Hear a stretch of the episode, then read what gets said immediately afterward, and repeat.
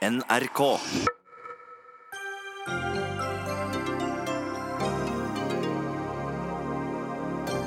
Unge Høyre skal ha fått varsler om at lederen Christian Tonning Riise hadde oppført seg upassende allerede i 2013. Så hvorfor tok ingen tak? Innvandrings- og integreringsminister Sylvi Listhaug forsøker å få til avtale om retur av asylsøkere til Sudan.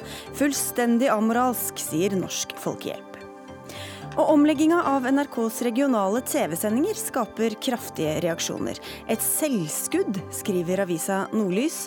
Vi må tilpasse oss publikums medievaner, svarer NRKs distriktsredaktør.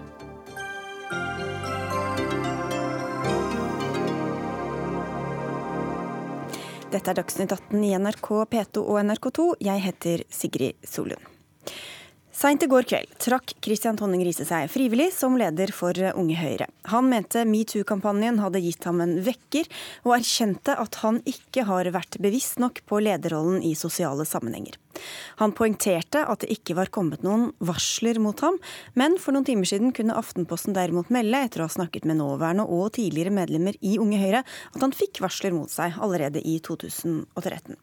Så hvordan forklarer du dette, Jon Ragnar Aarseth, du er generalsekretær i Høyre? Hmm. Jeg tror eh, vi må erkjenne at eh, det har vært svikt i eh, rutinene hos eh, Unge Høyre. Det har Unge Høyres generalsekretær beklaga eh, sterkt eh, i dag. Selv om dette ligger tilbake i tid, så på vegne av organisasjonen så har hun beklaga det sterkt, og det gjør også jeg. Alt tyder på at, at, at det har vært en type varsel som ikke har blitt fulgt opp tilstrekkelig. Da eh, Tone Grise la ut denne meldinga på Facebook eh, rundt midnatt, eh, så fikk han mye ros eh, for at han var kommet fram til denne konklusjonen uten at det var noen varsler mot ham, som han presiserte. Stemte ikke det likevel? Det stemte. Eh, på det tidspunktet så stemte det. Det var også eh, min oppfatning av situasjonen, og det var Unge Høyre sin oppfatning av situasjonen. At han trakk, trakk den konklusjonen etter, på bakgrunn av Eh, at han ja, har hatt upassende oppførsel. Han, det har vært for mye alkohol. Det har vært uh, pågående uh, og upassende flørting. Og det har vært uh, relasjoner til jenter der alder og maktforhold har vært skeive. Og at det var det som var bakgrunnen for at han trakk seg. Men har ikke han fått vite om disse varslene selv? Han har heller ikke hatt en opplevelse at det har vært varsla mot han. men han erkjenner at han har hatt Eh, en upassende oppførsel og har hatt eh, relasjoner til personer, sagt ting som han ikke burde ha gjort. Men Er dette en erkjennelse han er kommet til bare eh, ut fra sin egen tankevirksomhet, eller er det noen andre som har sagt det til ham? Jeg tror Kristian kan bekrefte at både Unge Høyres generalsekretær og jeg har hatt ganske Eh, ganske tøffe samtaler med han eh, den siste tida. Stilte han kritiske spørsmål. Og han har også fått råd fra sin generalsekretær og sine kollegaer om at det, det kanskje var lurt å, eh, å trekke seg. Oh ja, hvor lenge har dette pågått? da? Det har pågått senhøsten og vært definitivt en del av, av, av de refleksjoner og de diskusjoner som en har hatt etter at metoo-kampanjen har Eh, har eh, skridet fram. Så Fortell litt om da gangen i dette, for nå hører vi om varsler allerede fra 2013. Mm. Eh, hva har hvem visst, og hva har blitt sagt til hvem? og hvordan har dette utvikla seg? Ja, Nå vil jo Unge Høyre, og også jeg, prøve å få ordentlig oversikt over hva som skal ha blitt varsla i, i 13 og muligens 14, og, og hvor det har svikta. Men det er et faktum at Eh, at det har kommet eh, bekymringsmeldinger til, til Unge Høyre i, i 2017, eh, som også er i Høyre har blitt gjort del i på seinhausten i 2017, som, som, har satt i gang en diskusjon og en samtale med Kristian som gjorde at han kom til den konklusjonen i, i går. Så det inntrykket som ble skapt om at han bare har gjort dette på en måte ut fra egen, eh, eget hode, det er ikke helt sannferdig, da, eller? Han har kommet til den eh, konklusjonen eh, sjøl, eh, men han men har også fått råd fra dere? Ja. Han har også fått råd, absolutt. Ja. Så hva vet dere nå om hvordan disse varslene, som ifølge Aftenposten kom både i 2013 og 2014 til ledere i organisasjonen, hvordan de ble håndtert? Mm. Ja, det, det, er vi i gang med å prøve å, å nøste opp i.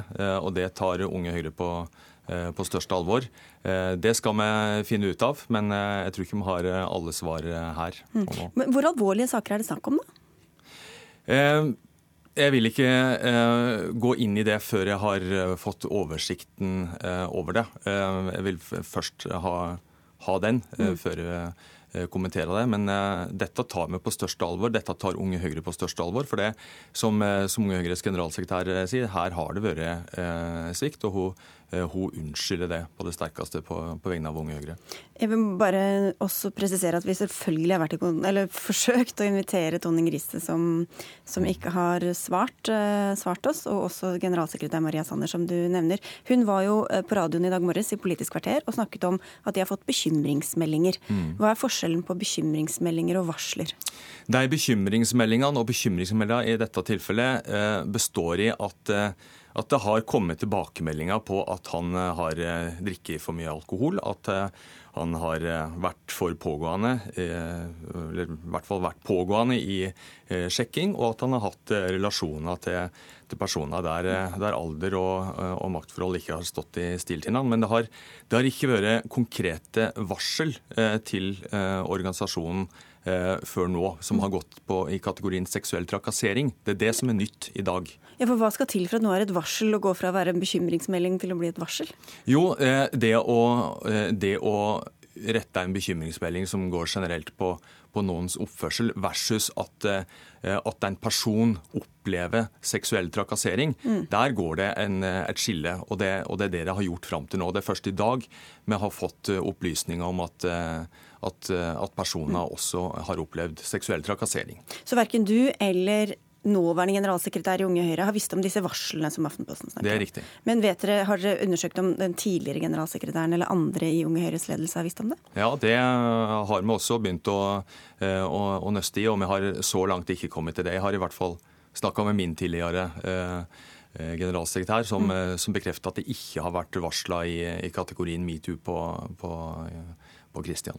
Når dere da fikk vite at han ville trekke seg etter råd fra dere, som dere sa, har dere, hva har dere gjort for å undersøke også litt tilbake i tid hva som kan ha kommet av varsler eller bekymringsmeldinger, eller hva man kaller det? Jo da, vi har eh, snakka med personer i, eh, i, organisasjonen, og jeg tror Christian kan eh, bekrefte at han også har fått mange, mange kritiske spørsmål fra, fra flere av oss på om, om, det skulle ha vært personer som kunne ha opplevd eh, seksuell trakassering. Og det har han vært veldig tydelig på at det har, eh, det, det har ikke han eh, meint og trodd sjøl. Men Aftenposten har jo da tydeligvis i løpet av én dag klart å finne tre-fire varsler, eller hvor mange det er, eh, mm. som dere ikke har gjort i løpet av de månedene hvor dere har undersøkt dette? Mm, det er riktig. Så hvor bredt har dere da gått ut for å finne ut av dette? Ja, jeg mener at, eh, at Unge Høyre har jobba grundig med dette eh, over lang tid. Eh, vært, Hvor grundig kan det ha vært hvis Aftenposten i løpet av én dag får vite om varsler som dere ikke har klart å finne ut av i løpet av flere måneder? Ja, det, Da er vi ved, nok ved kjernen i noe av det som, som metoo-debatten har handla om, og som i hvert fall vi snakka mye om i vårt parti, nemlig å sørge for at, at terskelen er låg nok eller at det ikke er noen terskel i det hele tatt for å, for å varsle om ugreie forhold. Mm. Nå har vi jo snakka mye om eh, forhold mellom eh, moderparti og ungdomsparti, eh, og en maktskeivhet der. Hvor, hvor, god har bevisstheten vært internt i, i, ungdomspartiene? Nå kan jo du bare snakke for Unge Høyre, men hvordan har, hvordan har kulturen vært der? Min opplevelse er at, at Unge Høyre har jobba veldig grundig med dette over, over, tid. Men det er enkeltpersoner som Det fins enkeltpersoner som ikke alltid eh, takla det å, plutselig få eh, ansvar og, eh, og, og komme, i, eh, komme, i, fokus og posisjon, sånn som Kristian har gjort eh, greie for eh, i sin forklaring for hvorfor han trakk seg som ung Høyre-leder, som, som, som, ikke alle da takla like godt. Kan det være andre også, da? Eller undersøker dere det nå? Ja, det er, det er klart at en går eh, grundig til verks når en eh, er i en sånn situasjon som en, som en er nå. Men, men, jeg tror bestemt vi kan si at ikke dette er uttrykk for en generell kultur, mm. og at det blir jobba grundig og godt med det. Hvordan samarbeider dere da om moderpartiet med Unge Høyre nå? Vi har over tid hatt veldig nær diskusjon om hvordan vi skal Eh, forbedre eh, kulturen, hvordan vi skal gjøre det lettere å varsle, eh, og hva slags sanksjoner vi skal bruke når først noen har tråkka over streken. Du, helt til slutt, Det sitter kanskje mange som er nervøse nå og tenker hva har jeg gjort de siste åra? Du sa at terskelen skulle legges lavt, men kan det også skje at den legges for lavt? Eh, nei, jeg tror ikke at terskelen kan aldri bli for låg for å varsle Eh, Men for, for å ta de konsekvensene forhold. man gjør? Eh, vi har nå en veldig tydelig definisjon av seksuell trakassering. Som sier at den som sjøl opplever seksuell tilnærming på en måte som er ubehagelig, ja, da er det seksuell trakassering. Så hvis, noen, hvis, hvis det finnes personer eh, i vår eh, organisasjon som har opplevd noe ubehagelig, så skal ingen andre eh, måtte trekke den definisjonen i tvil og lure på om det egentlig er trakassering. Da er det trakassering. Nå var det fristende å stille mange oppfølgingsspørsmål, men vi må gi oss der. Tusen takk skal du ha i hvert fall for at du kom, Jon Ragnar Aarseth, til Dagsnytt 18.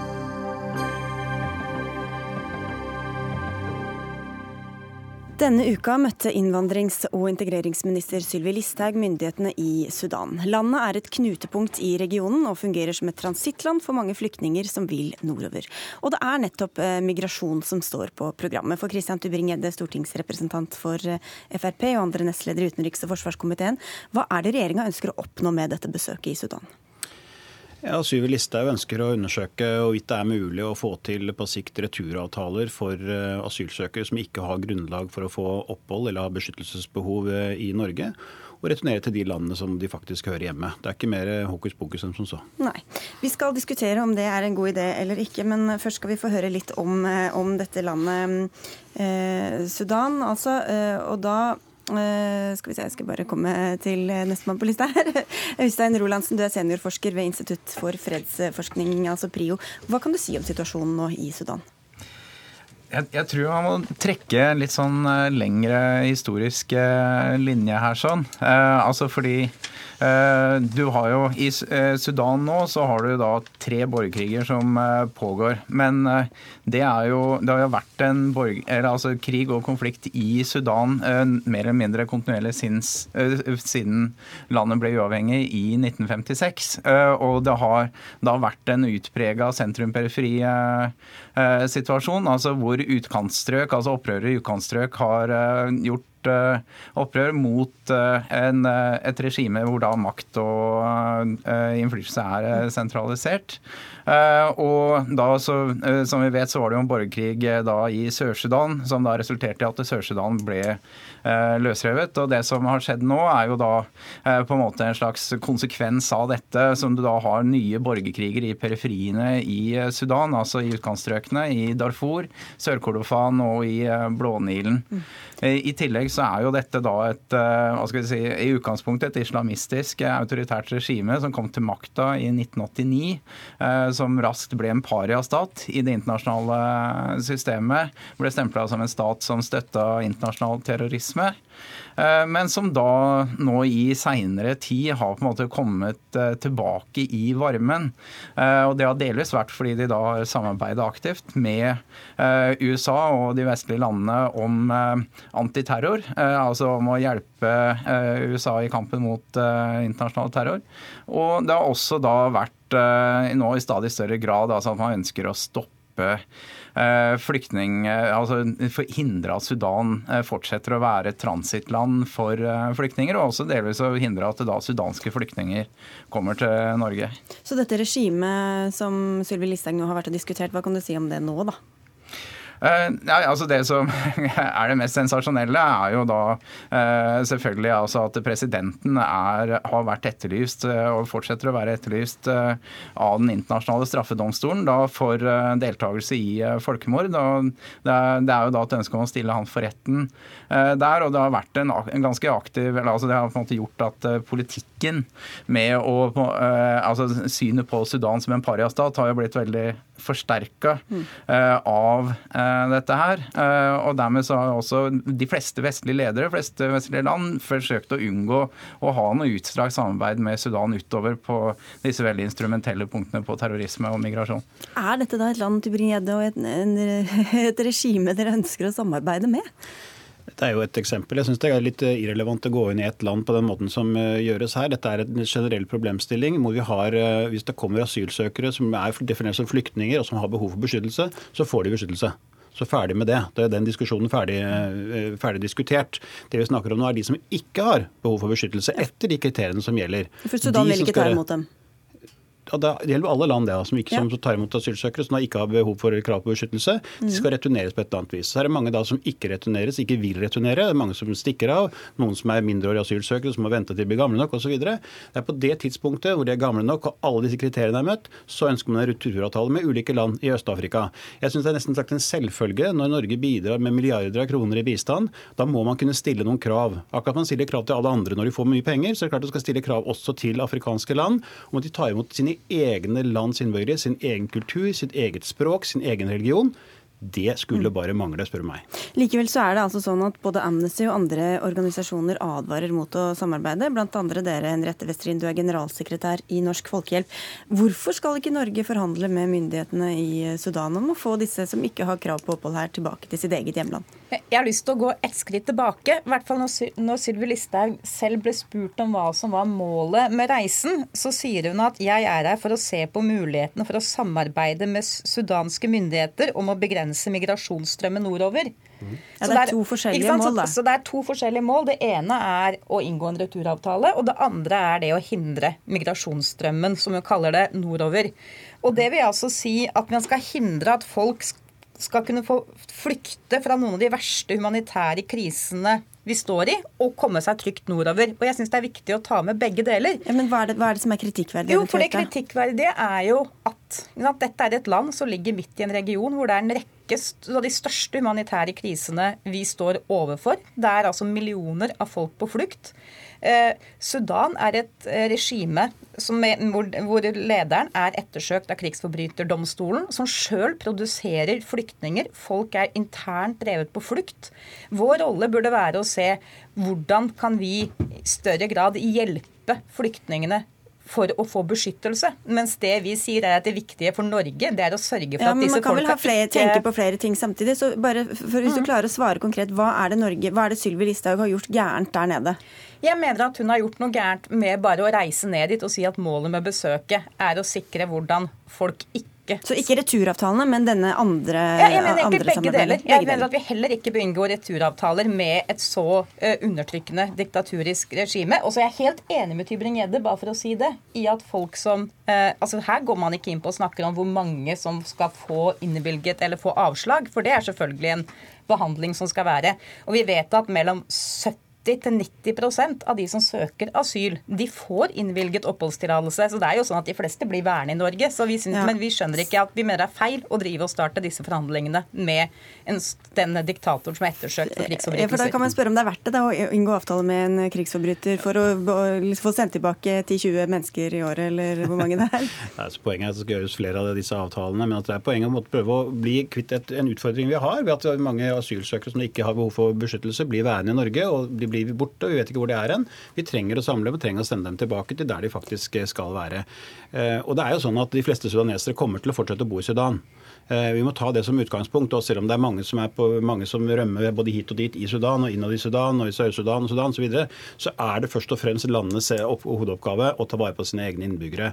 Det er ingen løsning at alle landene i konflikter som er i, i Afrika, som er ikke få, det er ganske mange, og ikke minst i Midtøsten Hvis alle de som føler seg forfulgt, mener at de er, burde hatt andre rettigheter osv., hvis alle de skal mene at de kan reise nordover til andre steder og få bo i andre, eh, våre europeiske land eller USA eller eh, andre land i Vesten, ja så vil det ikke fungere. Vi er nødt til å etablere et system som gjør at de som er, ikke har reelt behov for beskyttelse, reiser tilbake til de landene de er født, oppvokst og kjenner og uh, hører tilhører. Men så da til dette andre som Westrin trekker opp, nemlig et samarbeid om å hindre, hindre at mange flyktninger eller asylsøkere legger av gårde på, på flukt.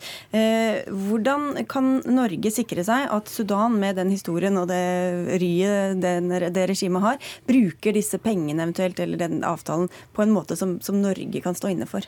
Men Nå må ta utgangspunktet. Vi har et bistandsbudsjett på 36 milliarder kroner. Og mye av disse pengene går til Sudan og til veldig mange andre land også. Da har vi et ansvar overfor skattebetalerne som har skaffet disse 36 milliarder kroner til veie for å hjelpe andre, andre, nasjoner til at de bruker disse pengene på best mulig måte. Det er regjeringens plikt, og da har vi også en plikt til å stille krav overfor de som faktisk mottar denne bistanden. Hvis det er slik at folk ikke vil ta imot sine egne innbyggere og bruke pengene øh, på andre ting enn å ta imot sine egne innbyggere, ja vel, da kan vi også bruke bistand effektivt som et politisk virkemiddel til å få det til å gjøre som vi vil.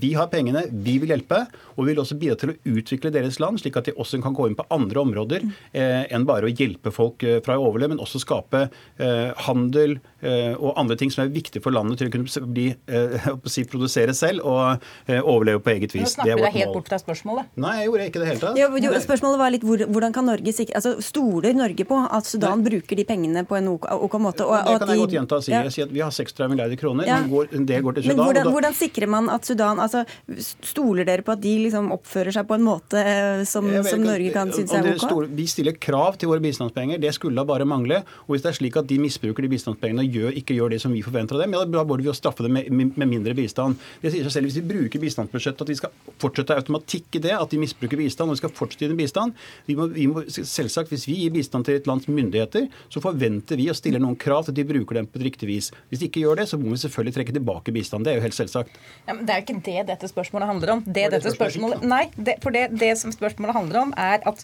Sylvi Listhaug sier at hun ønsker at norske midler skal brukes for å hindre at flyktninger flykter gjennom Sudan og nordover.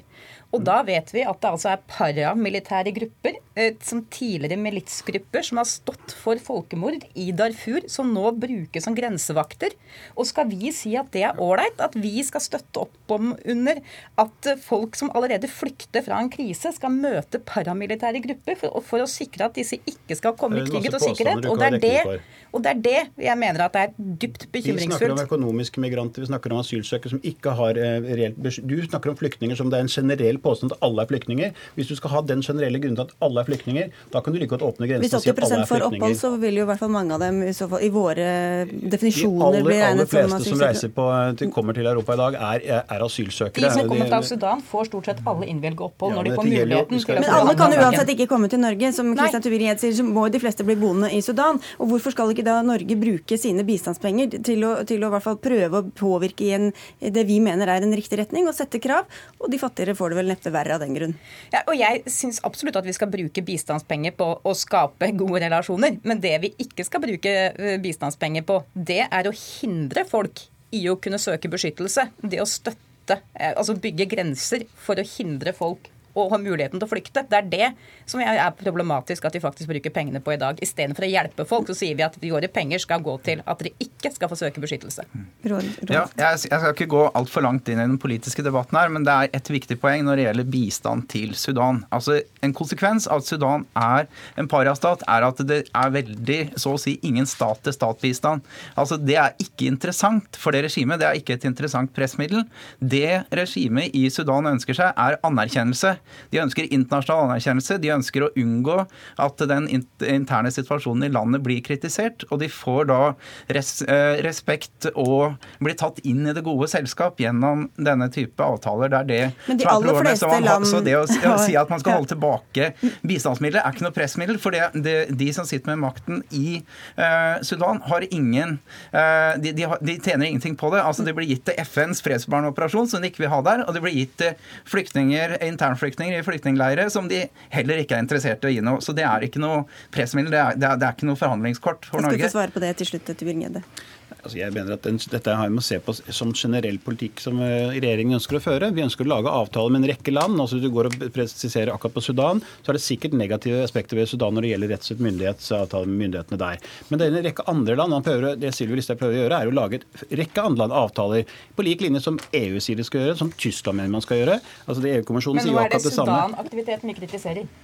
Vel, jeg fikk jo at debatten skulle være litt bredere enn det, men eh, så jeg har nok forberedt meg litt bredere forstand enn Sudan. men, men, men men, men det gjelder generelt Øst-Afrika og andre land også i generell basis. Ja. Vi får høre når hun kommer tilbake hva som er kommet ut av møtene. Så får dere ha takk eh, inntil videre, i hvert fall Christian Tubring-Gjedde fra Fremskrittspartiet, Henriette Westrin og Øystein Rolandsen. Dagsnytt 18 alle hverdager kl 18.00 på NRK P2 og NRK2. Reaksjonene har vært mange etter at NRK har lagt om sine regionale sendinger på TV etter nyttår. Den 15 minutter lange sendinga som pleide å gå kvart på sju om ettermiddagen, er redusert til fem minutter. I tillegg er det også en femminutters sending fem på ni, som tidligere, og et nytt tilbud eh, fra 22.55 og til 23.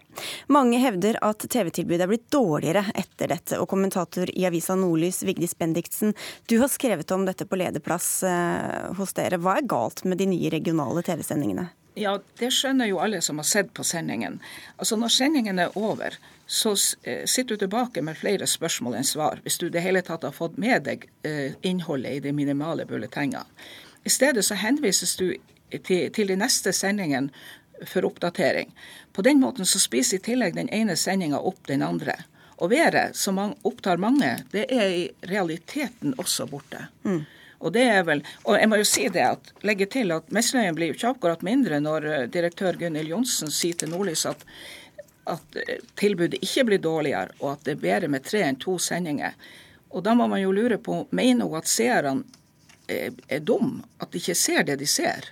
Så nå er vi så heldige at vi har eh, Grete Gunhild Johnsen, som er direktør i distriktsdivisjonen i NRK her med oss. Hva slags respons har du fått da fra seere etter denne omlegginga? Jo, jeg har jo fått eh, Det er jo først og fremst på sosiale medier at dette har vært en aktivitet. Det har kommet en del klager også til Kringkastingsrådet, men det er ikke så veldig mange som man kanskje skulle tro ut ifra eh, aktiviteten på sosiale medier. Og det, Klagene går jo først og fremst på den, eh, den, Vi har hatt to sendinger fra distriktene på kveldstid. Ei fra kvart på sju til sju og ei fra fem på ni til ni. Og så har vi sett at publikum har flytta seg til seinere på TV-kvelden, så vi har tenkt at det er lurt å ha en oppdatering foran de viktige nasjonale sendingene 1921 og 23. Og vi ser også at publikum beveger seg fra lineær TV til eh, internett, som det så fint heter, altså mobil- og nettsider. Og Der er vi nødt til å levere bedre, også på grundig journalistikk, dersom vi skal nå fram til alle deler av befolkninga. Hvis vi skal klare å innfri på det oppdraget som Stortinget har gitt oss. Du, Vi er jo ikke allmennkringkaster uten at vi må lytte litt til lisensbetalerne. Vi har med oss en av dem eh, som har reagert, eh, Rolf Auskar. Du har ytra deg på Facebook hvor det koker. Hva synes du om denne endringa? Jeg synes syns det er skremmende at NRK går til det skrittet at de reduserer nyhetsbildet. Det ender opp med at eh, fortellingen om Norge blir nå skapt innenfor en radius på 500 meter fra Marienlyst. Med få minutters nyhetsbilde blir det avskalling av lokale nyheter, og en står igjen med overskrifter uten innhold og debatt. I tillegg er det en kraftig sentraliseringsprosess, hvor regionale nyhetsredaksjoner ikke får utvikle et lokalt nyhetsbilde. Hvem har bestemt? Og det må forklares hvorfor mhm. NRK med 35 000 ansatte og 6 milliarder i budsjett ikke kan støtte opp om eh, distriktene. Vi får høre med Johnsen her. Ja. Jo, men det er jo sånn at NRK har nå 15 distriktskontorer som lager seks timer på radio hver eneste dag, som lager tre daglige TV-sendinger, og som har egne nett- og mobilsider. Og det har aldri vært produsert så mye i distriktene som det blir gjort nå. I tillegg så har vi eh, gjort en avtale med nyhetsdivisjonen om at distriktskontorene skal produsere betydelig mer godt innhold til nasjonale plattformer. Og vi har også laga en ny sending i NRK1 som går fra fem på halv ni til fem på ni eh, fire dager i uka som heter Norge nå. Men det er ikke en nyhetssending? Nei, det er en aktual, jo, det er en aktualitetssending, men det er ikke en tradisjonell nyhetssending. Det er det ikke. Men fra distriktskontorene så har det aldri vært produsert så mye som det er nå. Men det vi må se på, det er jo hvordan publikum flytter sin, eh, sin, bruk av media.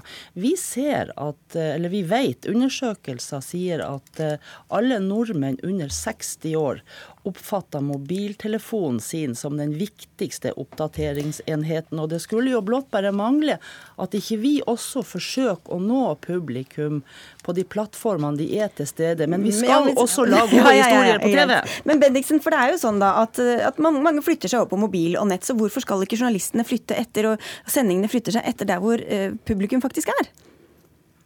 Ja, jeg skjønner jo at seertallene for lineær TV går ned, og at man må se på muligheten for å nå flere unge. Men det, det, er jo den farta det går i. For det NRK-ledelsen gjør nå, det er å gi aktiv dødshjelp. Så dårlig som distriktssendingene er nå, så vil mange forlate dem. Og det vil selvsagt gjøre det enklere å legge dem ned.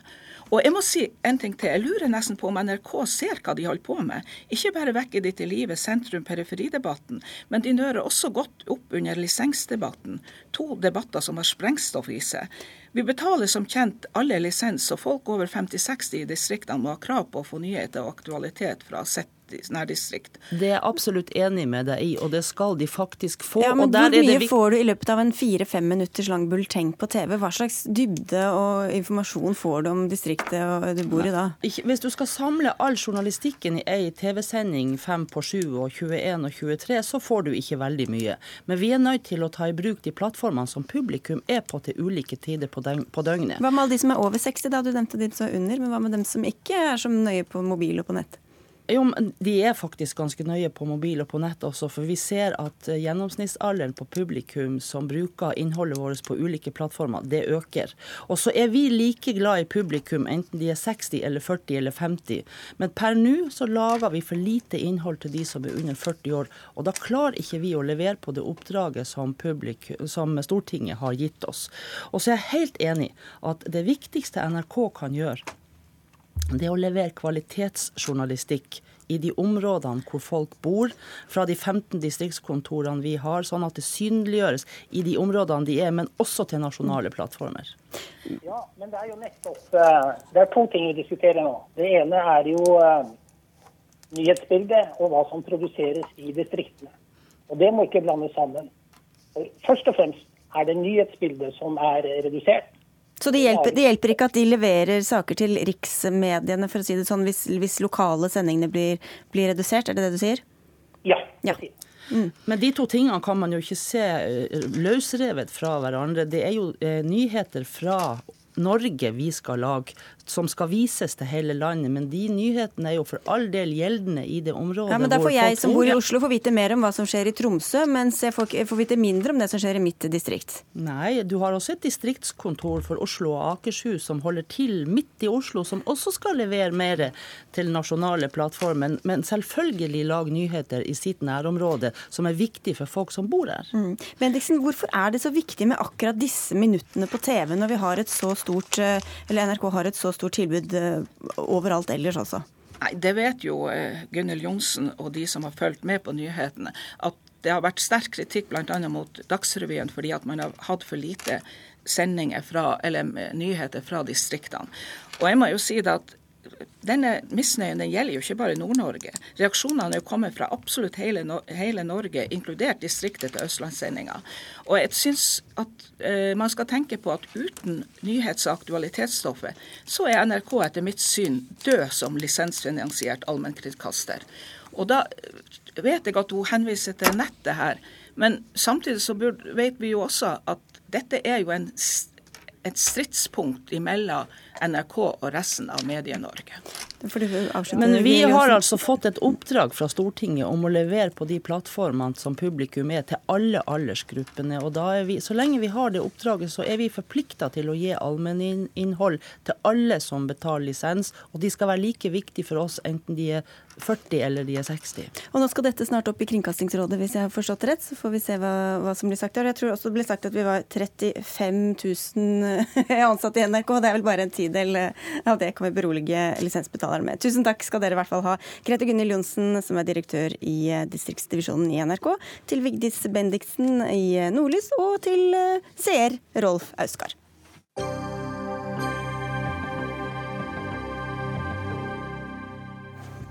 Aktivitetsplikten for unge har fungert så bra at den bør utvides til å gjelde enda flere, mener Høyre. Det ble 21% færre unge på sosialhjelp i fjor, viser ferske tall fra Nav. Og det betyr at det er blitt eh, flere enn 5000 personer som ikke lenger er på ordninga, ifølge Klassekampen.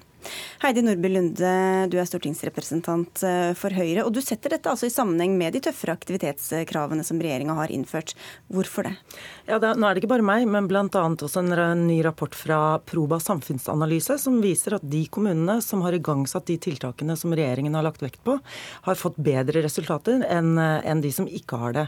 Og det vi ser er at uh, unge som, uh, som, søker om sosialhjelp og får krav om en eller annen form for aktivitet, kommer seg raskere ut i arbeid, aktivitet eller utdanning.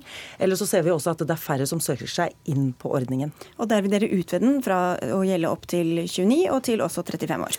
Ja, det vil vi. Og jeg har bare lyst til å minne om at dette her er jo også en plikt for kommunene. Så du kan se på det som en aktivitetsplikt for kommunene å tilby unge eh, og de uten arbeid en faktisk aktivitet å, å, gå til. Men hvis det er sånn at dere vil utvide den fordi den virker så godt, hvordan kan det da ha seg at dere allerede i november foreslo å utvide ordninga før dere visste om eh, resultatene? Fordi at vi har hele tiden fått veldig positive tilbakemeldinger, både gjennom statistikk og, og bakgrunnstall, men også i møte med brukerne, som har fått lov til å få en mulighet til å prøve seg i arbeidsmarkedet gjennom aktiviteter. De var ikke nødvendigvis veldig glad for det til å begynne med, men har, men har takket oss for at vi har innført en, et krav som de blir møtt med. Et krav om at du, du, må stå opp om morgenen, du får en aktivitet som du kan prøve deg på, og som de også ser at gir dem arbeid i den andre enden. Arild Grande, du sitter i arbeids- og sosialkomiteen eh, på Stortinget for Arbeiderpartiet. Tallene taler for seg selv? Politikken virker, eller? Ja, nå var det jo Da Arbeiderpartiet satt i regjering at det ble innført en eh, mulighet for kommunene til å stille krav om aktivitet eh, når man mottar sosialhjelp. Og det, eh, det vi ser på statistikken nå som virker, det er jo resultatet av nettopp det. Så innførte jo regjeringa dette som en ren plikt for alle sammen. Det vi er skeptiske til i forhold til det, er at regjeringa ikke er villig til å stille opp med midler. Og at de skal avgrense det til en viss aldersgruppe. Altså, vi mener at skal man ha plikt til det her, så må man for det første, da må det gjelde for alle sammen. Eh, og man må stille opp overfor kommunene med de midlene som skal til, for at du faktisk kan tilby den rette hjelpa. For noen så kan dette være prosesser som går fort, for andre kan det ta mange år før du er i, gang i arbeid. Og da må vi stille opp med det rette tilbudet til den rette tida. Men du, jeg vil bare spørre deg før vi går videre på det, Nordbylund. Har dere tall på at de faktisk er kommet ut i jobb? Eh, jeg kjenner ikke tallbakgrunnen så, så, godt. Så du vet, det, ikke, du vet at det ja, blir færre på sosialhjelp, men om de på en måte bare faller helt ut, eller om de nei, går i jobb, det nei, vet nei, du ikke? Det, det, har vi tall på. Altså At de faktisk har en aktivitet, enten de har kommet seg helt ut i arbeid, eller er i en eller annen form for aktivitet, enten det er utdanning eller på tiltaksplasser, så har de i hvert fall tilbud om en aktivitet som gjør dem eh, klarere for arbeidsmarkedet. Men det at kommunen under de rød-grønne fikk en mulighet til å tilby aktiviteter, betyr jo ikke at kommunen har brukt den muligheten. For dette medfører helt riktig en noe høyere merkostnad. En litt høyere kostnad for en eh, aktivitet som faktisk fungerer, men det får kommunene igjen på i form av lavere sosialhjelpsutgifter. Så dere, de får ikke noe ekstra penger for det, de, de, må bare ta den risikoen selv, for å si det sånn? Eller? Det er ikke en risiko å få folk ut i arbeid. Eh, og kommunene har fått tilført eh, store frie midler for å kunne bruke på dette her. Men Arbeiderpartiet tok jo ut, både stemte mot denne plikten i kommunen litt tidligere, og tok også ut dette i sitt alternative statsbudsjett så sent som i november. Det som er Problemet med Høyre og regjeringa sin måte å håndtere det her på, er at de stiller en plikt, og så er de ferdig med saken. Vi mener at skal man gjennomføre det her på en sånn måte at folk faktisk får den hjelpa de trenger, kommer seg på beina, kommer seg ut i jobb, så må man stille opp med de rette tiltakene. Da kan ikke vi bare si at vi er ferdig med saken når vi har vedtatt en plikt. Jo, det er nettopp kommunene som må gjøre den jobben. Da må vi stille opp med midler overfor kommunene. Det har vi foreslått, mye mer enn det regjeringa stiller opp til, men det får vi ikke med oss regjeringspartiene på. Og vi har bedt om at vi setter oss ned og diskuterer om vi skal gjennomføre en aktivitetsreform som sikrer nettopp det rette skreddersydde tilbudet for hver enkelt. Det er ikke regjeringa interessert i å gjøre. Så det eneste de sier, vi stiller plikten, så er vi ferdig med saken. Så dere er egentlig helt enige på sak, men det eneste dette handler om, er eh, bevilgninger til kommunene? Det er jo ganske viktig hva slags tilbud du gir til folk. For noen så er det jo sammensatte utfordringer. Det kan være helseproblemer, det kan være psykiske lidelser, det kan være fysiske utfordringer. Eh, det kan være prosesser som tar mange år. Jeg har møtt sjøl mange av de her ungdommene i Nord-Trøndelag som eh, sier at det her handler om å bygge et helt menneske. Og da er det ikke bare nok å si at vi stiller en plikt, og så er vi ferdig med saken fra Stortinget. Stortinget. Hvorfor stoler du ikke på må... at kommunene gjør den jobben sjøl, da? Jo, de gjør en utmerket jobb og gjennom Nav, så, og vi ønsker flere tiltak i Nav-regi. Men eh, de varsler om at det er for lite midler til det. Kommunene settes ikke nok i stand av denne regjeringa til å gjøre den jobben eh, det forventes av dem. Og Det er den store svakheten med hele systemet. Vi kunne ha fått langt flere gjennom det her opplegget og fått dem ut i jobb hvis vi hadde brukt penger på det, hvis vi var villige til å se at vi skal ikke bare stille krav, men vi skal også stille opp. Men der er regjeringa døv. Jeg syns dette er veldig merkelig kritikk fra Arbeiderpartiet, for å være helt enig. Nå ser vi konkrete resultater, positive resultater, av de tiltakene regjeringen har satt i gang. Nav har, rundt, bruker rundt 7,5 milliarder på ulike former for tiltak til alle aldersgrupper. Og så har det i tillegg vært en ekstrapakke som har, har vært for de unge mellom 18 og 29, som nå gir gode resultater. Men, men vet dere at de, altså, fordi Det er jo veldig ulikt fra kommune til kommune, er det ikke det? Så hvorfor, hvorfor ikke heller ha tydelige krav og retningslinjer og alt for at dette faktisk skal fungere sånn som det er tenkt? Det er jo helt, eh, helt riktig som du sier. Det er ulikt fra kommune til kommune. Og det var spesielt ulikt da det var Arbeiderpartiets mulighet til å ha aktivitetsplikt, mens vi har sagt at du skal ha aktivitetsplikt. Men vet dere at den virker det... overalt? Vi vet at den virker. Vi har en rapport fra Proba samfunnsanalyse som har gått gjennom tiltakene, gått gjennom de kommunene som har nettopp brukt de, eh, den pakken som regjeringen har gitt. Og dette her igjen, dette her er jo da en mindre utgift til å få eh, redusert da andre utgifter på senere. Ja, for Hvis man uansett får dem ut i jobb og får skatteinntekter, så trenger man kanskje ikke noe ekstra penger da til kommunene for å gjøre det de skal. Men kommunene har også fått ekstra penger fra denne regjeringen og aldri hatt så god uh, kommuneøkonomisk det er litt ulike ordninger, da, men vi sier at vi må sørge for at uh, dette, uh, som faktisk virker, må gjelde for alle sammen. Vi kan ikke bare avgrense til noen få. så jeg skjønner ikke hvorfor, Hvis du først mener at det her virker, hvorfor skal du stoppe på 35? Hvorfor ikke 40? Hvorfor ikke opp til 50? Vi mener at skal du stille den plikten, så må det gjelde for alle sammen. Så regjeringen må gjøre mer av sin egen politikk? Ja. Men det lover regjeringen å gjøre, og da forventer jeg også at Arbeiderpartiet stemmer for dette neste gang vi kommer til Stortinget med det. Takk skal dere ha begge to, Arild Grande fra Arbeiderpartiet og Heidi Nordby Lunde fra Høyre.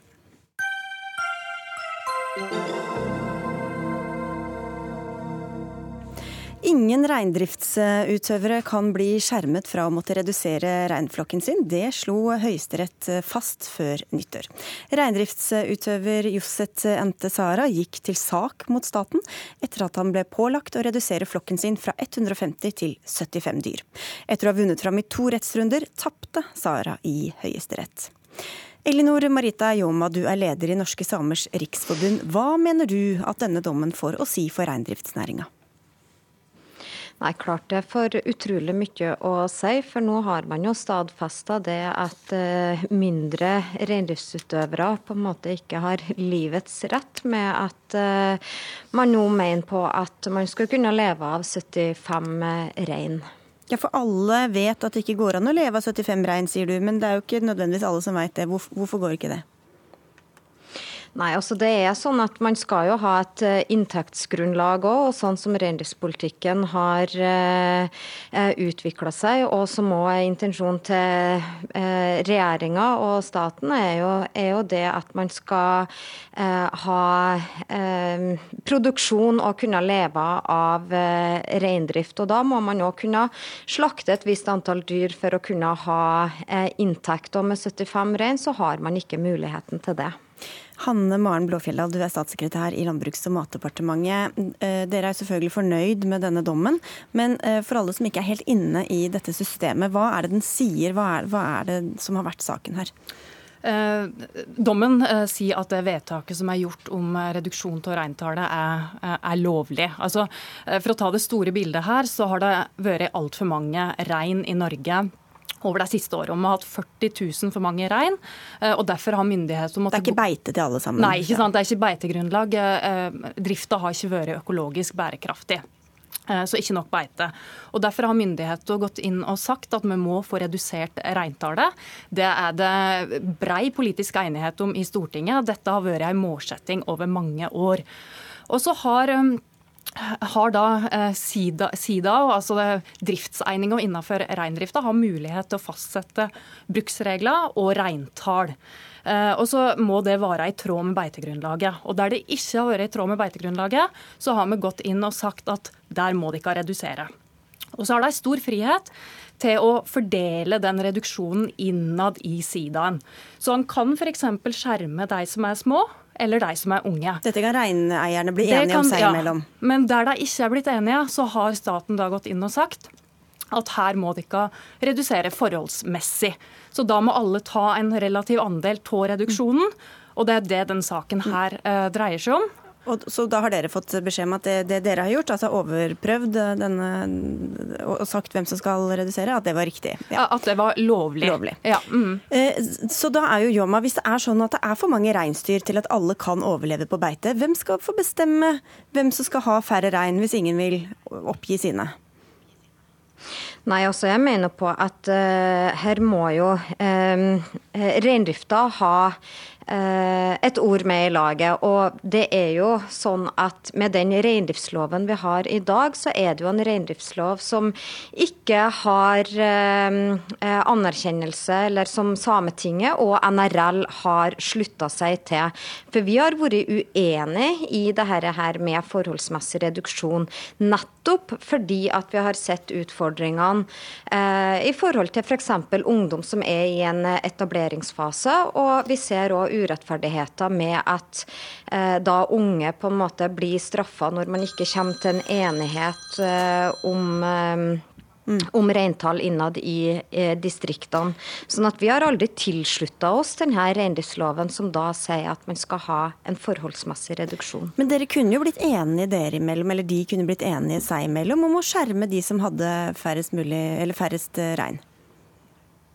Ja, det er fullt mulig, men det er jo akkurat der at uh, i de tilfellene hvor man ikke greier å oppnå en enighet, så er jo det at akkurat det her med forholdsmessig reduksjon slår feil ut. Og det er jo òg sånn i det samiske samfunnet som samfunnet for øvrig at alle ikke oppnår uh, enighet. Og når man da har et lovverk som, som, vil ramme dem som på en måte er svakest, så, så, så mener vi at det er uh, uriktig. Og så må vi heller ikke glemme det at uh, Landbruksdepartementet har jo kjørt en ganske rå kamp i forhold til uh, det med reduksjon. For reindrifta tok et ansvar uh, når denne reintallstilpasningssaken starta. Og det var de fleste distriktene fikk godkjent sine reintall av Reindriftsstyret, men Landbruksdepartementet overprøvde. Og det var jo da konfliktene oppstod. Så jeg vil jo påstå det at Landbruksdepartementet var jo med på å skape det her konfliktene, i og med at de overprøvde sitt eget faglige organ,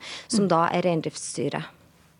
Eh, jeg må liksom minne om hva den saken her handla om. Det handla om at vi har hatt for mange rein i Norge. Det går utover dyrevelferden hos eh, reinsdyra, og det går også utover økonomien i reindriftsnæringa. Så dette handla jo om at et bredt politisk flertall i Norge har ønska å eh, bidra til ei økologisk og økonomisk bærekraftig næring. Og Det er jo et bredt flertall i Stortinget ja, det som, eh, som, har Det er jo Stortinget som er den lovgivende myndighet i mm. Norge, og som har eh, Men Vi kan jo diskutere likevel hva som er lurt å gjøre. Ja. Eh, hvorfor kan man ikke skjerme dem som i dette tilfellet er i oppstartsfasen, ikke har så mange dyr og trenger noen år for å komme seg opp i, ja, antall? Ja, men Det også. har Sidan, altså driftseininga innenfor reindrifta, har mulighet til å gjøre det sjøl. Men og dere det kan har også, gjøre det? Det har også Høyesterett slått fast i den dommen, at her, her her kan sidaen sjøl bestemme hvordan reduksjonen eh, kan, eh, skal skje.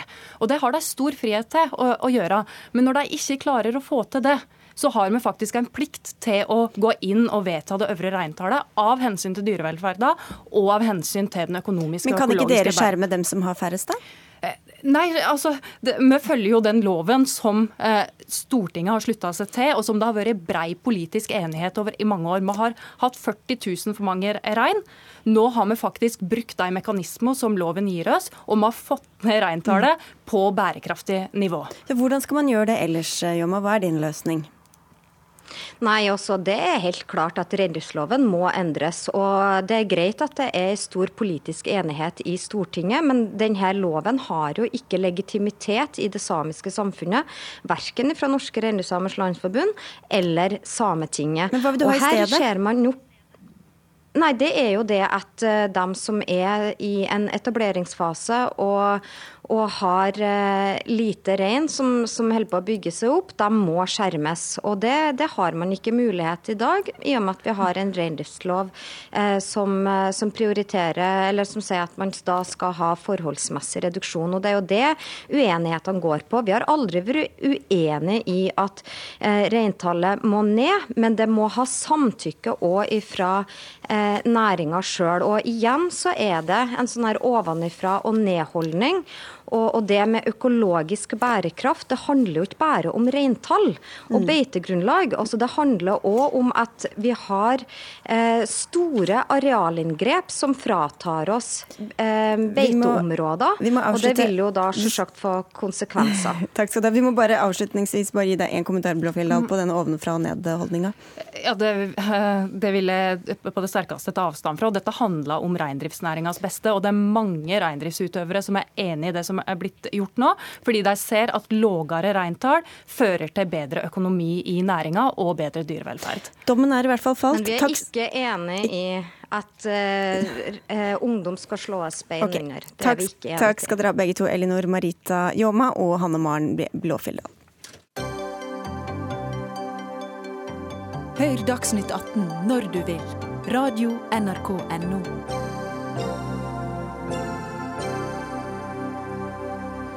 Vi sender ikke brev og postkort lenger, i hvert fall ikke nok til at Samferdselsdepartementet mener det er verdt å levere ut post hver ukedag. Nå foreslår det å bare gå ned til å ha postutdeling annenhver dag.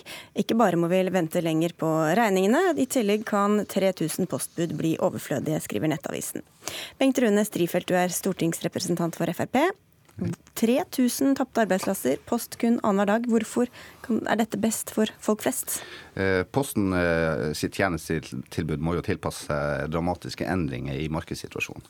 Og eh, Posten har sjøl signalisert at de har en ønska omstilling fra deres side. og Det er jo på bakgrunn av det departementet har sendt ut på høring for å få gode innspill til de endringene med tanke på postombæring. Mm. Det er jo mange stillinger, men når man ser historisk tilbake, så, så hadde jo Postverket 32 000 årsverk i 1990. Og i 2017 er de nede i 7000. De har eh, vært under omstilling i bra mange år, og, og for å kunne uh, møte markedssituasjonen, så uh, kreves det også videre omstilling også i årene fremover. Sigbjørn Gjelsvik, du er stortingsrepresentant for Senterpartiet. Hva frykter du kan komme til å skje hvis det bare blir annenhver dag med post? Altså Postens oppgave det er jo ikke å levere overskudd, men det er å levere post. ikke sant? Det er gode, likeverdige posttjenester i hele landet, og det er jo det som nå står på spill. Eh, for kun et par år siden så kutta en ned fra seks til fem dagers eh, postombæring i Norge. Nå foreslår en altså en halvering av det igjen. Det er viktig for både bosetting og arbeidsplasser i hele landet at en har levering av post. Det er en viktig del av både velferdstilbud og infrastruktur. og Derfor er det viktig å opprettholde det tilbudet som i dag. Men har de ikke internett på landet?